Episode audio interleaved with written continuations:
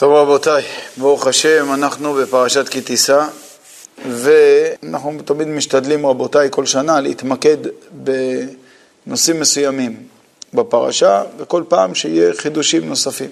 מה שנתמקד בו דווקא השנה הזאת בעזרת השם זה לגבי כמה עניינים שכתובים פה בפרשה שקשורים לענייני דיומא. לדוגמה, יש לנו פה בפרשה את הסוד של פתאום הקטורת.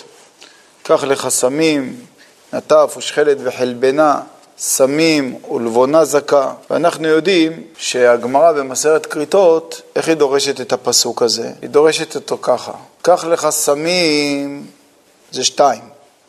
מיעוט רבים, שתיים. לא כתוב איזה סמים. הברייתא, היא מציינת 11 סמנים היו בה, הצורי והציפורן וכולי. אבל בתורה הקדושה כתוב, קח לך סמים, נטף ושכלת וחלבנה, סמים ולבונה זכה.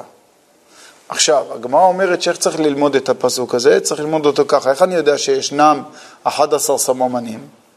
מכיוון שדורשים זאת כך, קח לך סמים, מיעוט רבים, שתיים. נטף ושכלת וחלבנה, פה התורה כבר ציינה את השמות, מגיעים לחמישה. לאחר מכן כתוב עוד הפעם, סמים, זה בא לרבות כנגד כל מה שאמרת עד עכשיו, אז זה בעצם עוד חמישה, ביחד עם עשרה. ולבונה זכה זה אחד עשר. ולכן מרן הבן איש חי עליו השלום, הוא כותב שלמנות באצבעות גם כאשר אומרים את הפסוק בתורה. אז הוא אומר למנות כך, קח לך סמים בשתי אצבעות. נטף ושכלת וחלבנה, הגעת לחמש אצבעות. סמים, זה כל החמש אצבעות עוד הפעם, וזה עשרה, או לבונה זכה. מצוין. בדברים הללו, רבותיי היקרים, ישנם סודות גדולים ועצומים. ידוע דברי הזוהר הקדוש, שאומר רבי שמעון בר יוחאי, שאם אנשים היו יודעים את מעלת פיתום הקטורת, היו לוקחים כל מילה ושמים אותה כתר לראשם, עד כדי כך.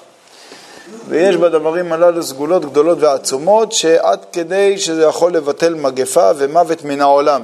לפני כמה שנים, בתקופה גם כן של הקורונה וכולי, אז עשינו את השיעורים משער הכוונות ושער רוח הקודש, שהסברנו את ה... הכוונות ואת הסודות של פיתום הקטורת, כי יש בדברים הללו סודות גדולים ועצומים. הסברנו רבותיי שעל ידי פיתום הקצורת בעצם אפשר לברר את הניצוצי קדושה. על ידי שמבררים את הניצוצי קדושה, שהניצוצי הקדושה זה בעצם מה שלומדים ברבינו הארי, שעוד לפני שנברא העולם הזה ולפני שנתקנו העולמות, אז היה מה שכתוב בחז"ל, שהקדוש ברוך הוא היה בורא עולמות ומחריבן. וזה בסוד שבירת הכלים. השם יתברך עשה תיקון לאותם עולמות, כן?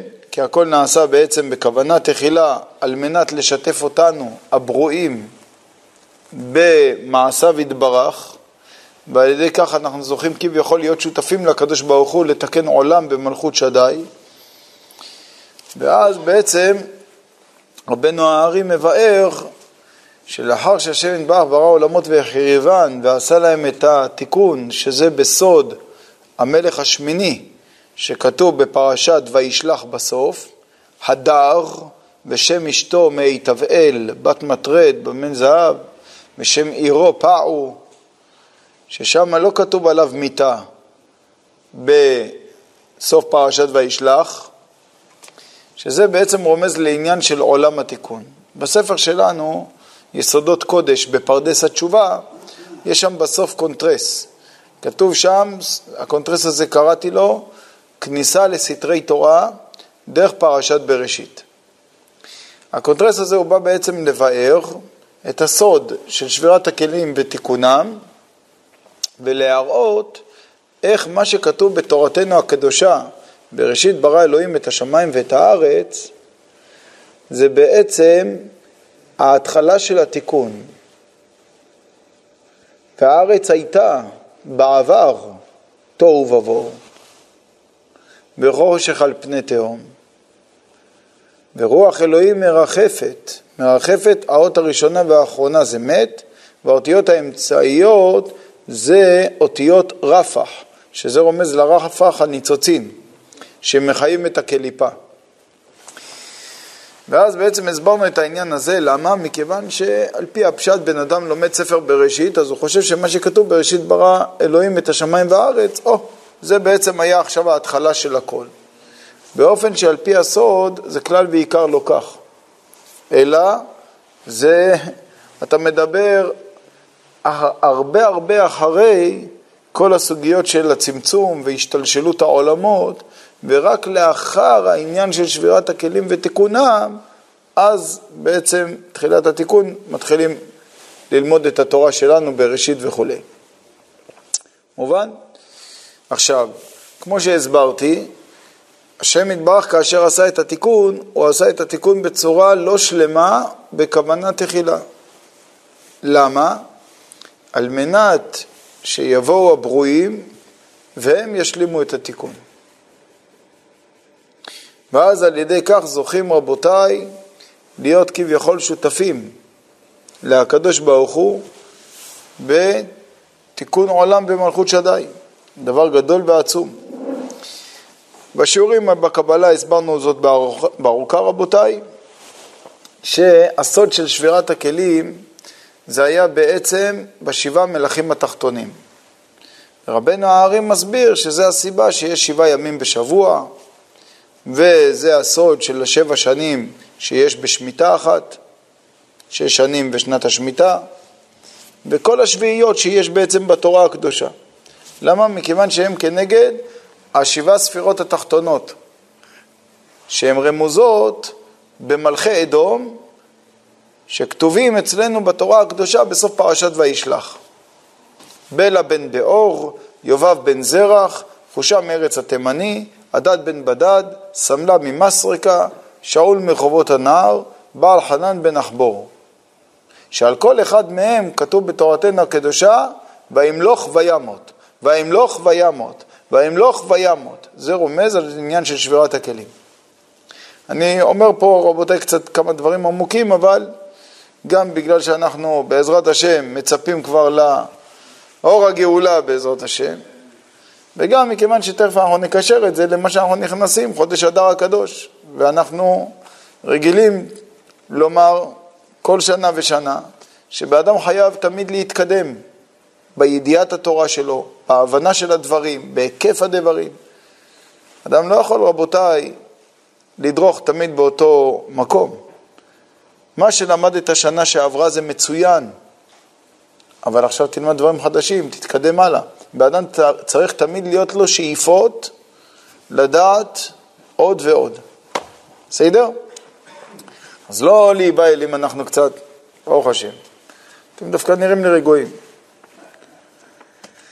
איי איי איי איי איי איי איי איי איי איי איי הם בעצם רבותיי הסוד של שבירת הכלים שבשם ההוויה ברוך הוא זה רמוז באותיות ו' וה' למה?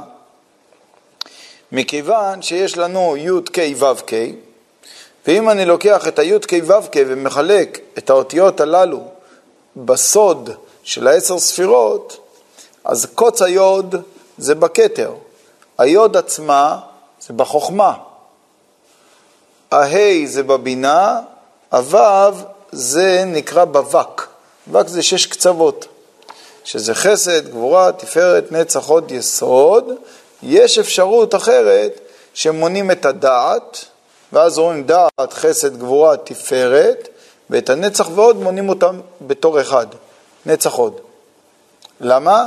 כי הנצח הוד הם נקראים בית פלגי דגופה, שתי חצאים של הגוף.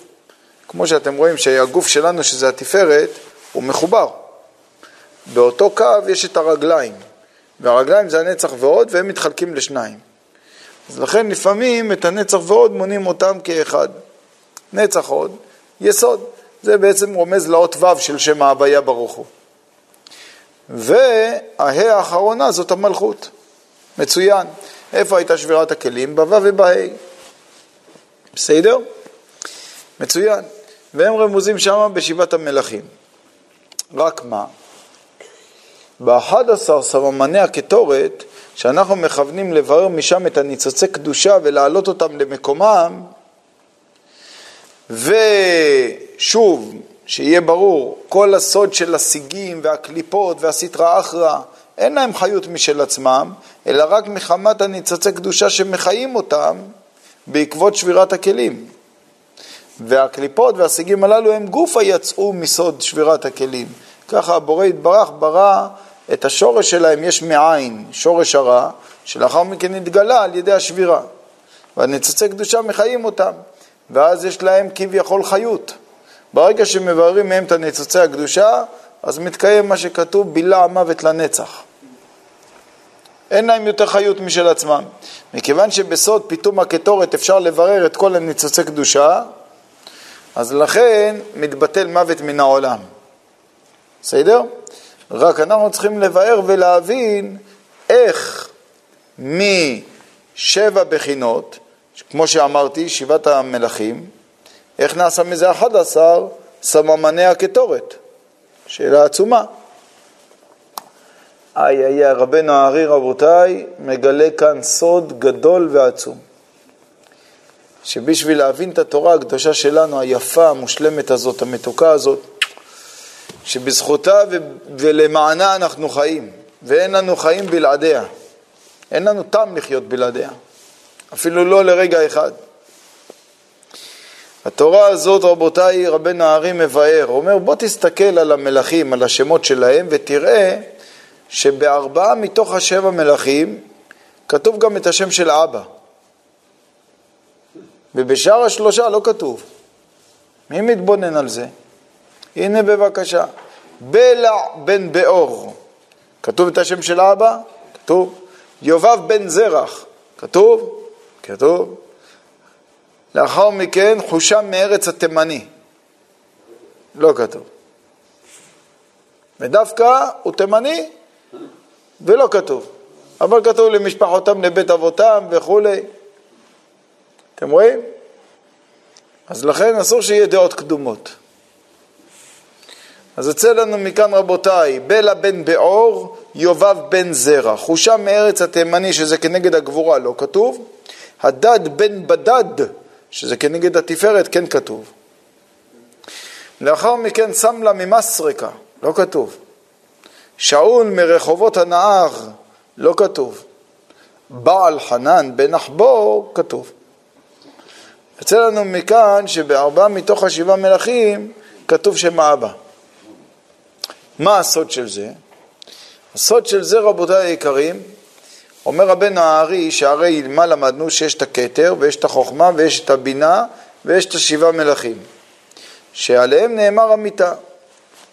אומר הרב, תדע לך, שנכון שבחינה של מיתה גמורה היה רק בשבעה התחתונות, אבל היה בחינה של נפילה גם בחוכמה ובבינה.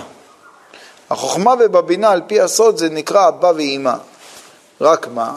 אומר הרב שהחוכמה היא מתחלקת לשני חלקים. יש חלק עליון של החוכמה ויש חלק תחתון של החוכמה. וזה נקרא אבא וישראל סבא. אותו דבר בבינה, יש חלק עליון, חלק תחתון, זה נקרא בינה, שזה אימה ותבונה. אימה ותבונה. ברגע שהשבעה מלכים נשברו, אז גם האחוריים של הספירות העליונות, דהיינו של אבא ואימא ואבא ואימא וישראל סבא ותבונה, האחוריים שלהם גם נפלו. בשיעורים אנחנו מסבירים בארוכה שיש שתי בחינות שנפלו מהם, בחינה אחת לגבול עולם האצילות, בחינה שנייה בסוד המוחין, כמו שכתוב במבוא שערים בשער הקאלי, שירדו עם השבעה מלכים גם לעולמות בריאה, יצירה ועשייה. באופן שאנו מקבלים, רבותיי, שבעולם העשייה שלנו, וגם ביצירה ובבריאה, ישנם 11 בחינות. 11 בחינות. שה-11 בחינות הללו זה השבעה מלכים והאחוריים של אבא ואימא וישראל סבא ותבונה. יש עוד בחינה של פגם קטן בכתר, שזה עוד עניין, בחינה נעלמת יותר. בסדר? יופי. ברגע שהבנו, רבותיי, שישנם 11 בחינות, לכן אנחנו מבינים שזה נרמז באותיות ו' וה'. ו' וה' של שם ההוויה ברוך הוא, י' כ' ו' כ', אז אנחנו בעצם זה נרמז בו' וה'. כי ו' וה' בגימטריה כמה זה? 11, מצוין. וזה רומז ל-11 בחינות הללו של השבעה מלכים וארבע אחוריים, וזה הסיבה שבארבעה מתוך השבעה מלכים כתוב את השפע של האבא. בלע בן באור, יובב בן זרח, הדד בן בדד, בעל חנן בן אחבור. שארבעה שכתוב עליהם שם האבא, זה בא לרמוז על הארבע האחוריים העליונים מהם שירדו איתם ביחד. מצוין. ואז אנחנו מקבלים בעצם את האחד עשר בחינות. וראה זה פלא, באחד עשר סממני הקטורת, כפי שהם כתובים אצלנו בתורתנו הקדושה, כתוב, ויאמר אדוני אל משה, קח לך סמים, נטף ושכלת וחלבנה, סמים ולבונה זכה. שימו לב שזה 11 בחינות. איך? מנינו, קח לך סמים, נטף ושכלת וחלבנה, סמים ולבונה זכה. ב-11 בחינות הללו, ארבעה מתוכם מפורשים בשמותם. שאר הבחינות, שבע, לא מפורשים בשמותם. קח לך סמים זה שתיים, הסמים הפעם השנייה שאנחנו אומרים זה חמש, שתיים ועוד חמש זה שבע, והשבע הללו לא מפורשים בשמותם, וישנם ארבעה בחינות שהם כן מפורשים בשמותם. וזה בדיוק כמו בשבעה מלכים, שיש פה גם כן את הארבעה שבעצם כתוב את שם אביהם. מובן? שזה בעצם תוספת. נפלא מאוד. יש סוד נפלא שכותב אותו רב לוי יצחק שניאורסון, כן? סוד נפלא שהוא מסביר שגם בבנות של לבן ושל יתרו, מגיעים לבחינות הללו, מאוד מעניין, כתוב שלבן, כמה בנות היו לו? ארבע. רחל, לאה, בילה וזלפה. רש"י כותב את זה מפורש בחומש, שכאשר לבן אמר ליעקב שלא יענה את בנותיו, כן? אז כתוב זאת מפורש, אני אראה לכם את זה, שימו לב, אם תענה את בנותיי ואם תיקח נשים על בנותיי, אין איש עמנו, ראה אלוהים עד ביני וביניך. איי איי איי איי איי איי איי איי איי איי איי איי תאמינו לי זה, אוח, כל כך אני מתרגש.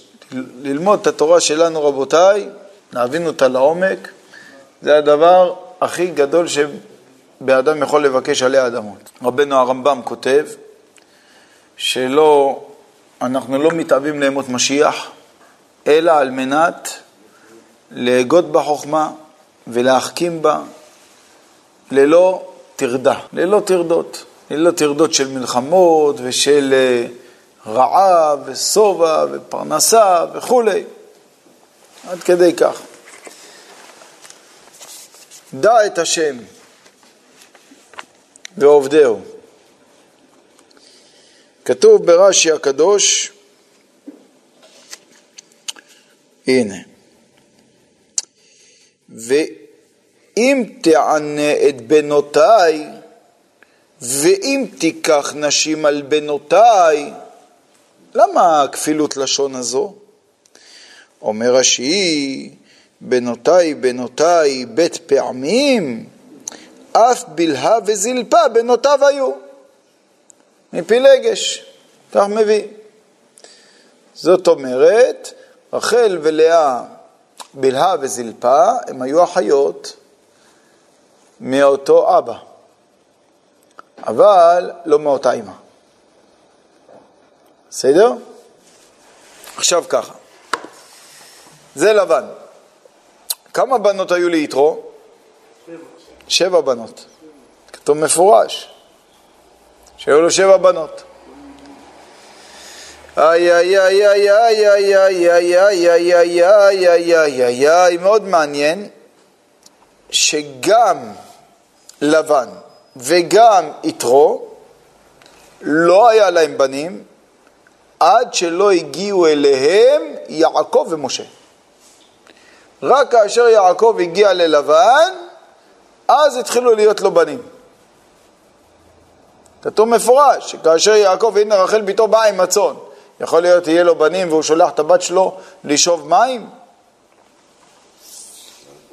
ולגבי יתרו, גם כן, קרן לו ויאכל לחם, אולי יישא אחד מכם. אצל לבן מצינו לאחר מכן שהם דיברו על יעקב, אז כתוב מפורש שמי אמר את זה? הבנים של אה, לבן התחילו לדבר על יעקב, שהוא עשה את כל העושר הזה משל אבינו. טוב? מצוין. איך? לא. כתוב מפורש רבותיי, הנה. הוא רואה בעצם מפורש שהבנים של לבן הם בעצם מדברים עליו שהוא, הנה, וישמע את דברי בני לבן לאמור, לקח יעקב את כל אשר לאבינו, מאשר לאבינו עשה את כל הכבוד הזה. לא מתביישים. באו בזכותו. באו בזכותו, לא היו בעולם אם הוא לא היה בכלל. והם עוד אומרים, מה, לקח לנו את הכל, לקח את כל מה שהאושר שלו זה משל אבינו. אתם יודעים אבל שאם זה כתוב בתורה זה אמת. יעקב אבינו בירר מלבן את כל הניצוצי קדושה וכולי. הטעות שלהם זה, אולי זה היה שבוי אצל אביכם. אני שחררתי את זה. ברוך השם, להחזיר את הדברים לקדושה. רבותיי, גם אצל יתרו כתוב מפורש בזוהר הקדוש, זה זוהר. כתוב מפורש בזוהר שכאשר יתרו מגיע למשה עם ציפורה ובניו, אז יש פשט שהוא מגיע עם בניו של משה, גרשון ואליעזר, גרשון ואליעזר, אמת. זוהר הקדוש כותב שהוא הגיע עם הבנים שלו, יתרו, חוץ מגרשון ואליעזר. מאיפה היו לו בנים? מאז שמשה הגיע אליו, אז התחילו להיוולד לו גם בנים. מה הסיבה בדבר הזה? אז פה יש סוד גדול. לבן ויתרו הם היו עדיין מצד, לא היה להם עדיין דעת דקדושה. וכאשר אין דעת דקדושה, עדיין לא מולידים בנים. אפשר להוליד בנות. וזה בסוד נשים דעתן קלה. זאת אומרת, אפילו אם הדעת היא עדיין קלה, בנות אפשר להוליד, בנים עדיין לא. זוהר הקדוש כותב שמשה רבנו עליו השלום הוא היה מסוד דעת עליון אצל משה רבנו. בגלל זה כתוב שמי היה שקול כנגד משה באומות העולם? בלעם. מה כתוב עליו? ויודע דעת עליון. בסדר? ויעקב אבינו הוא היה כנגד דעת תחתון. בגלל זה הזוהר הקדוש כותב, משה מלגב ויעקב מלבב. דהיינו, משה מבפנים ויעקב מבחוץ, שזה בעצם עליון ותחתון. ברגע שיעקב הגיע ללבן, אז נכנס בעצם הדעת שמה, ואז הוא התחיל להוליד בנים. כאשר משה רבנו הגיע ליתרו, נכנס הדעת והוא התחיל להוליד גם כן בנים. פלאי פלאים. שימו לב שהבנות של לבן ארבע, הבנות של יתרו שבע. כמה זה ביחד? אחד עשר. ולמה זה בנות? כי זה עדיין היה בסוד שבירת הכלים. ששם זה בסוד המלכים, שרבנו הארי כותב שזה בסוד מלכויות, של סמא בדסג ואסמא בדבן, דהיינו מבחינת המלכויות, בחינת נוקביות. ושם היה בעצם בחינת השבירה, וכאשר יעקב ומשה הגיעו, הם התחילו לתקן את הבחינות הללו, ואז הולידו בעצם בנים, שזה שם מה החדש, ואז זה בעצם עולם התיקון.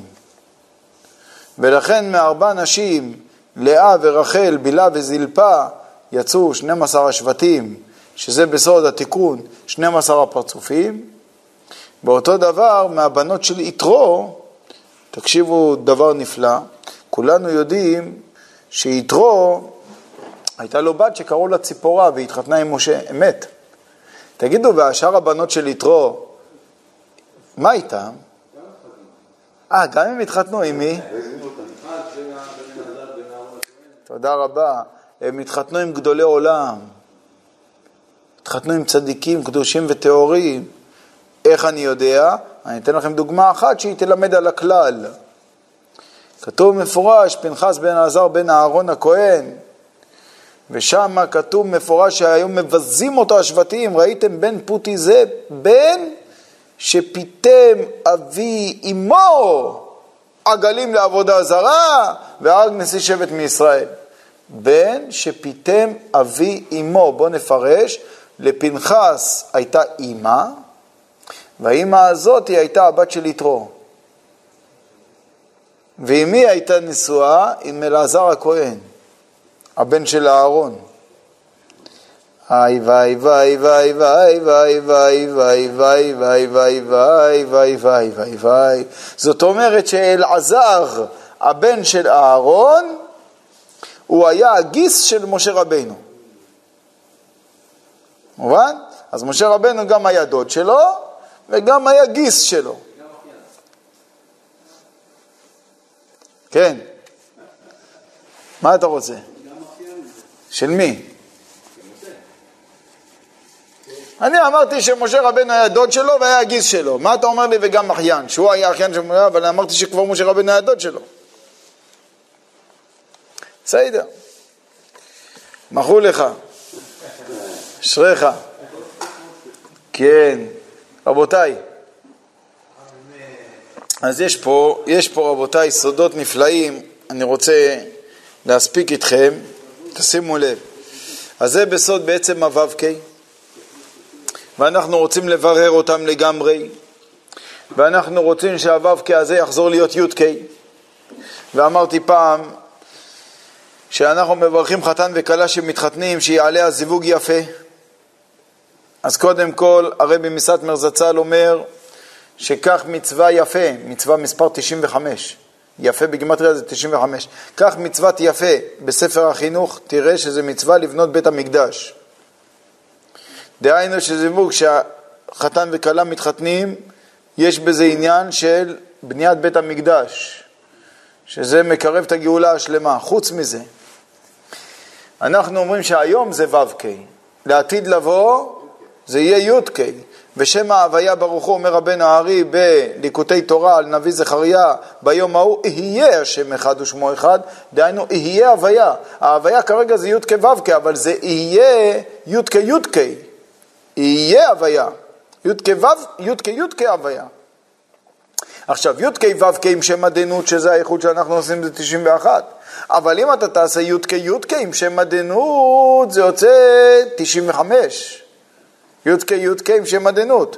אתה מוסיף לו"ו, אתה עושה אותו י', תוסיף את הארבע. זה יוצא 95. וזה מה שאנחנו מברכים, וזה יהיה הייחוד השלם לעתיד לבוא. בגלל זה אנחנו אומרים שיעלה הזיווג יפה. דהיינו, אנחנו רוצים שיעלה הזיווג של י"ק ו"ק ועדינות, שעכשיו זה 91, אני רוצה שהוא יעלה בגימטריה יפה. דהיינו שזה יהיה י"ק י"ק עם שם עדינות. נפלא מאוד. עכשיו, בגלל זה אנחנו, רבותיי היקרים, בקדיש אנחנו אומרים, אנחנו אומרים התגדל והתקדש. כמה אותיות יש שם בהתגדל והתקדש? יש שם 11 אותיות, כן? התגדל זה חמש אותיות, והתקדש זה שש אותיות.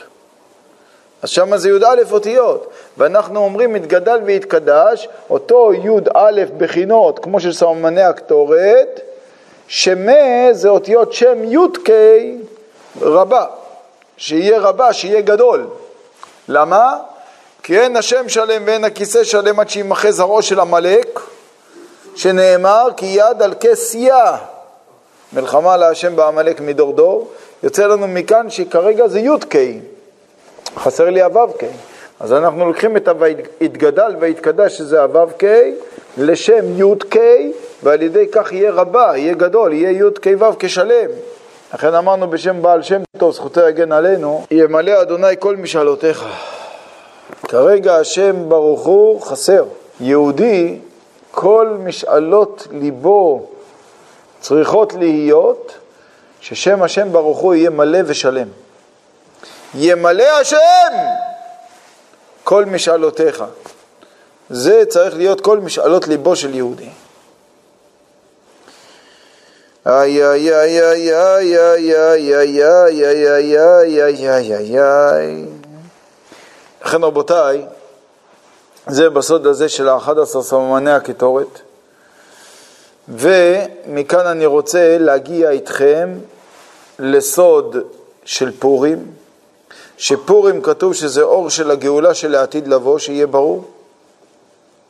וזו הסיבה העמוקה בספרי חסידות, שהיום החג הזה הוא דרבנן. בספרי חסידות מלמדים אותנו דבר כזה. זה שזה דרבנן, זה לא הכוונה שזה פחות מדאורייתא. מה לא הכוונה? לא הבנתי. הכל מושרש בתורה. מרדכי מן התורה מניין? שואלת הגמרא במסכת חולין בדף קל"ט. כתוב אצלנו, את הפסוק אצלנו בפרשה, כן? וידבר אדוני משה לאמור, ואתה קח לך בסמים ראש מור דרור. אומר התרגום, ועצב לך בוזמן שם, מירד דחייה. מירד דחייה זה אותיות מרדכי יש שם. טוב, ככה אומרת הגמרא במסכת חולין מדף קל"ט. אז הכל בעצם רמוז כבר בחומה שלנו ובתורה, כן? רק מה? ספרי חסידות כתוב ככה, ישנם אורות מהעולמות העליוניים שאנחנו יכולים לקבל אותם אפילו בגלות, והאורות הללו זה יהיה דאורייתא, כי אתה יכול לקבל אותם. ישנם אורות גבוהים יותר, שכרגע אין לנו את הכלים להכיל אותם. מכיוון שכרגע אין לנו את הכלים להכיל אותם, אין לנו, אין לנו את האמצעים. הנה, מצוות שתלויות בבית המקדש. יש לנו כלים להכיל אותם כרגע? לא. מכיוון שזה אורות גדולים יותר, אז כרגע זה לא דאורייתא, כי אין לך את הכלי לקבל את זה. לכן, זה יורד לדרבנן, שזה כמו חינוך למה שעתיד להיות בגאולה. חז"ל רצו לחנך אותנו, להרגיל אותנו למה שיהיה, כמו סוד של נטילת ידיים וכן על זה הדרך. שלא תשתכח תורת טהרה וכולי. מה הפירוש? שכאשר ייבנה בית המקדש ויהיה לך את הכלים להכיל את הדברים, אז בעצם אתה כבר תהיה מורגל בכך. אותו דבר רבותיי, סוד הפורים והחנוכה, חנוכה זה כנגד אור הגנוז, פורים זה כנגד מחייה הגמורה של עמלק, זה גם אור הגאולה לעתיד לבוא. מכיוון שכך, צריך לדעת פה רבותיי כמה סודות. כאשר אנחנו אומרים מרדכי מן התורה מניין ואומרים את הפסוק הזה מור דרור מירד אחיה למה מרדכי נרמז פה? שמעו כמה דברים יקרים. קודם כל מור, אתם יודעים, בגימטריה זה 240. 240 זה עמלק. כרגע יש אחיזה של אותה עמלק. לעתיד לבוא, דרור. יהיה לנו דרור מעמלק, חופש ממנו. למה? כי הוא לא יהיה קיים יותר. אז הוא יפסיק לאחוז בו"ק. האחיזה שלו מתבטלת לגמרי. וזה הסוד של הבירורי ניצוצי קדושה ממנו. בגלל זה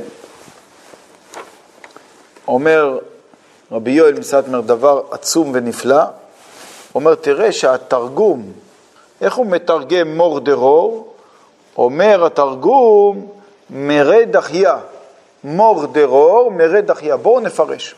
מור, שזה מתרגם בארמית למראה, אני מבין, מ' ר' י' א' זה מור. דחיה, מה זה דחיה בארמית? אה?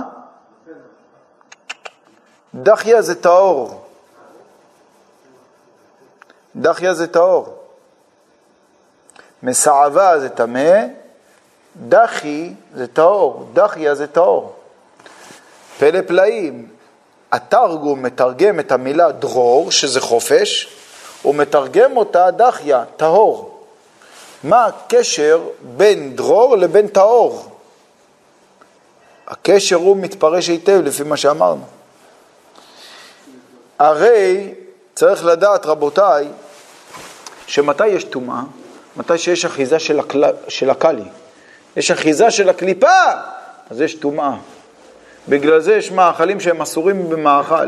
מה אומר רבנו הארי? למה זה אסור במאכל? כי הניצוצי קדושה שם כל כך משוקעות בקליפה, שאין אפשרות לשחרר אותם.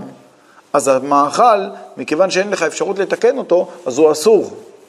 ומה זה המילה אסור? קשור. כמו אסיר. מובן?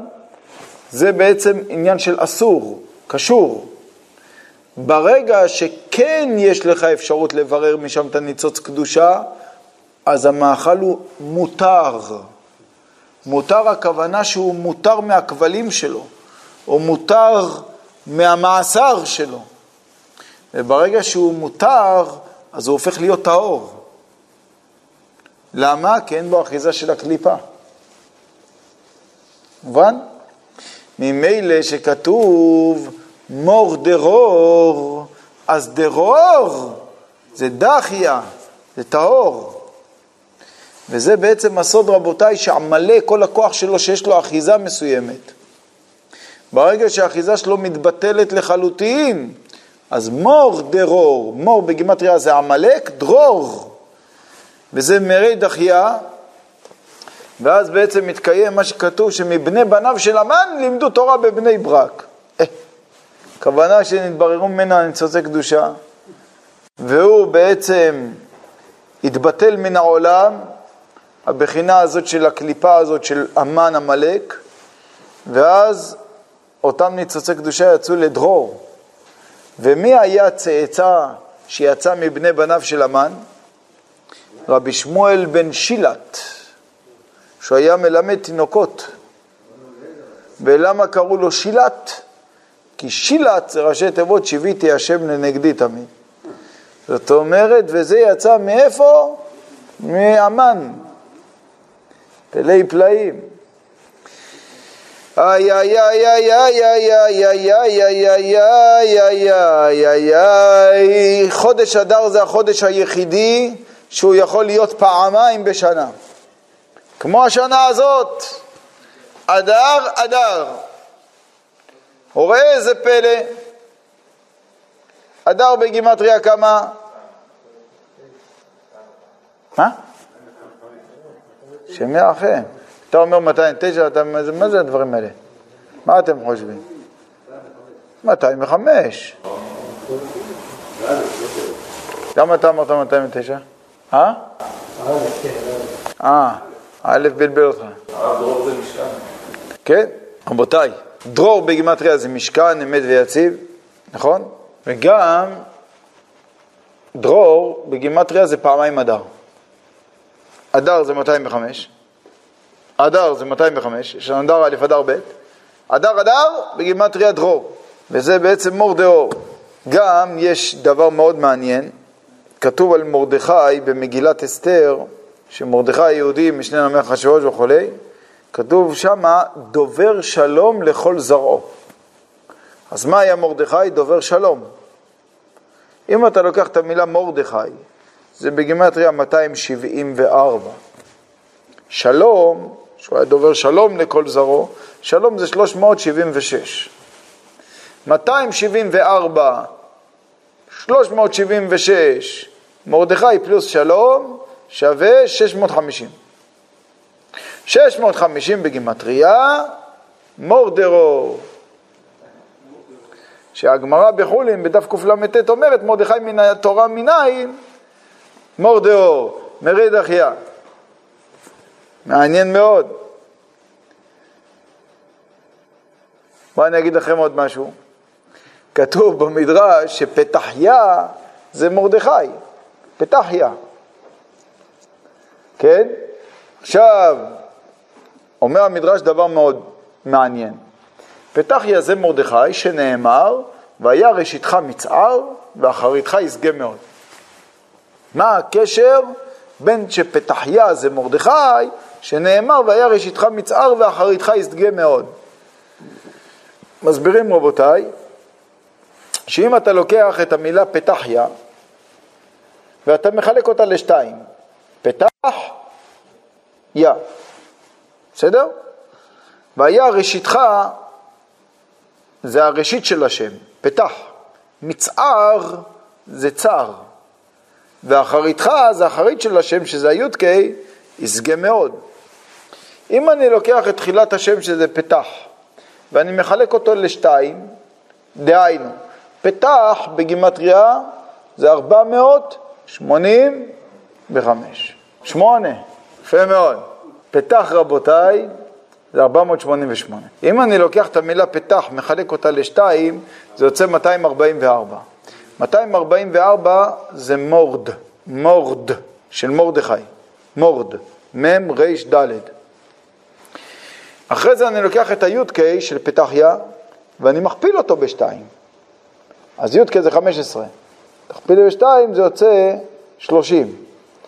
חי, כ' וי' של מרדכי זה 30.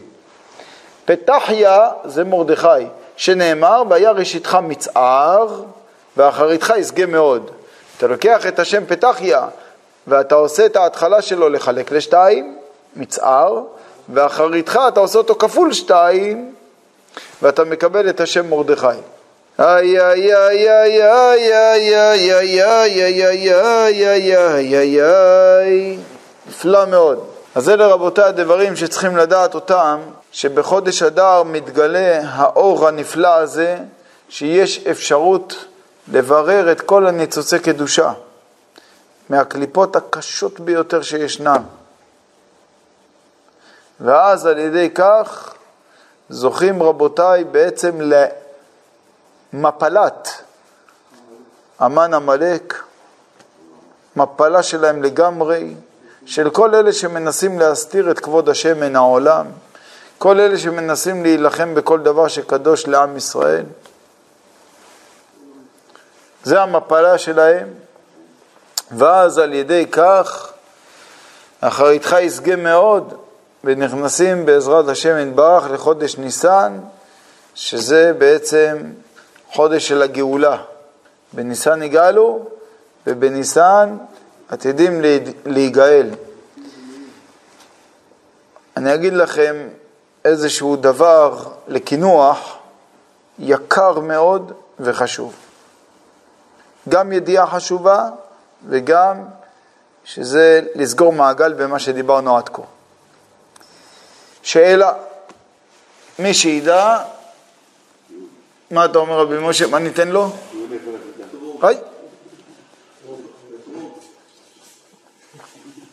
טיול לכל הכיתה? אתה לא מכיר אותי? לא אומרים את המילה טיול. השתבח שמו. מה הפסוק הכי ארוך בתורה? שוב אני אשאל. אני שואל על החמישה חומשי תורה, בראשית, שמות ויקרא במדבר דברים. מה הפסוק הכי ארוך בחומש? איי איי איי איי איי איי איי איי איי איי איי איי אה? אה, יפה מאוד, כבודו אומר זה בפרשה שלנו. איך אתה יודע? אה, כי מסתם אם אני שאלתי, כל הכבוד. אולי תגיד לי איזה פסוק? אה, איך? לא. רבותיי היקרים, תזכרו את זה אבל, בסדר? הפסוק הוא בפרק ל"ב, פסוק א'. וירא העם כבושש משה לרדת מן ההר, ויקהל העם על הארון, ויאמרו אליו, קום עשה לנו אלוהים, אשר ילכו לפנינו, כי זה משה האיש, אשר העלנו מארץ מצרים, לא ידענו מה היה לו. זה הפסוק הכי ארוך בחומש. שלושים וארבע תיבות. שלושים וארבע תיבות בפסוק הזה. ולמה הפסוק הזה הוא הכי ארוך, אתם יודעים? יש בזה סוד גדול. כל זמן שהמציאות היא מתוקנת, לא צריך להאריך במילים. כל זמן שהמציאות מתוקנת, כל זמן שהלימוד תורה הוא בהיר ונהיר, אפשר בראשי פרקים, בשורשים קטנים, להבין דברים כבירים ועצומים. חז"ל אומרים, אלמלא, אם לא היו חוטאים ישראל, לא היה ניתן להם אלא תורה וספר יהושע. בגלל שחטאו היה צריך את כל הנביאים, את כל הזה, את כל ההרחבה, את כל הדברים. זאת אומרת, צריך להרבות הרבה הרבה במילים. למי? למי שלא מבין רמזים. מי שלא מבין מתי שמדברים איתו בקצרות, אז צריך להתחיל להרחיב לו ולדבר איתו ולהסביר לו, ולפי ירידת הדורות, ככה צריך לכתוב עוד יותר ספרים ועוד יותר ספרים ועוד יותר ספרים, שהספרים האלה הם נצרכים, אבל זה בגלל ירידת הדורות, אז צריך בעצם לכתוב עוד ועוד. תחשבו לעצמכם שהגאון החפץ חיים עליו השלום שכתב את המשנה ברורה, הוא כתב לפתוח את הדברים כמה שיותר, שגם אנשים פשוטים יוכלו להבין. למה? כי כך באדם פשוט ללמוד מגן אברהם, הוא לא מבין, זה קצר בשבילו, הוא לא מבין אה, מה הוא רוצה ממנו. לעומת זאת הוא פתח, הרחיב, משנה ברורה, ביאור הלכה וכולי. והיה בטוח מרן החפץ חיים שזהו, זה, זה פתחתי עד איפה שניתן לפתוח. מספרים שהוא היה לוקח בן אדם מהרחוב, היה נותן לו לקרוא, אמר לו, תגיד לי אם אתה מבין או לא. אמר לו, עוד לא כל כך. כתב עוד פעם, עד שמובן לגמרי הרב. היום בזמננו, רבותיי, על כרך ג' של המשנה ברורה, שזה הלכות שבת, כתבו שש כרכים, שכל כרך פי ארבע בכמות מהכרך ג'. כל מילה לפתוח, למה? קשה להבין מה המשנה ברורה התכוון. מה קשה להבין? זה וזה, אבל זה אתם רואים, הרחבה ועוד הרחבה ועוד הרחבה. זה מתי שיש לב אבן, אז צריך הרבה. אז תזכרו, הפסוק הכי ארוך שבתורה זה ראשי תיבות לב אבן. למה? לב, הכוונה פרק ל"ב, פסוק א', זה האלף של אבן. לב אבן! פרק ל"ב, פסוק א', זה הפסוק הכי ארוך בחומש. טוב, עכשיו אני אשאל אתכם שאלה יותר קלה. מה הפסוק הכי ארוך בכל התנ"ך? פסוק הכי ארוך שבכל התנ"ך. ובואו אני אתן לכם רמז גדול, בסדר? רמז. שמע, רבי מוישה, רמז עבה. אם הפסוק הכי ארוך שבחומש זה 34 תיבות, אז הפסוק הכי ארוך שבתנ"ך זה 43 תיבות. נו, כולכם צריכים לדעת. איי, איי, איי, איי, איי, איי, איי, איי. טוב, הבנתי, אתם מהענווה שלכם, אתם לא רוצים להגיד. בסדר, אין בעיה. רבותיי, הפסוק הכי ארוך בתנ"ך זה במגילת אסתר. זה הפסוק הכי ארוך בתנ"ך. בפרק ח', פסוק ט'. פרק ח', פסוק ט'. כתוב כך: ויקראו סופרי המלך בעת ההיא, בחודש השלישי וחודש סיוון, בשלושה ועשרים בו, ויכתב ככל אשר ציווה מרדכי אל היהודים ואל החשדרפנים והפחות, ושרי המדינות, אשר מהודו ועד כוש, שבע ועשרים ומאה מדינה, מדינה ומדינה ככתבה, ועם ועם כלשונו, ואל היהודים ככתבם וכלשונם. כל מה שקראתי לכם עכשיו זה פסוק אחד. 43 תיבות. איי ואי ואי גוואלד. אתה יודע למה הפסוק הכי ארוך שבתנ"ך הוא במגילת אסתר? כי במגילת אסתר יש שם את הסוד של התיקון לחטא העגל. לפסוק הכי ארוך שבתורה, התיקון שלו על ידי הפסוק הכי ארוך שבתנ"ך, שזה בעצם במגילת אסתר, וזה בעצם בסוד המם ג' תיבות, שזה בסוד גם זו לטובה. פלג אלוהים מלא מים, יש בזה ייחוד, דיברנו על זה פעם, אתה לוקח שם אלוקים, מחלק אותו לשתיים, פלג אלוהים, פלג את שם אלוקים, שם אלוקים זה 86, פלג אותו, זה יוצא 43. וזה בעצם סוד המג התיבות שיש בפסוק הכי ארוך הזה, ואז פלג אלוהים, מלא מים, מתמלא הכל בחסדים טובים. יהי רצון שיתקיים בנו במהרה, ומלאה הארץ דעה את אדוני, כמים לים מכסים, ברוך אדוני לעולם, אמן ואמן.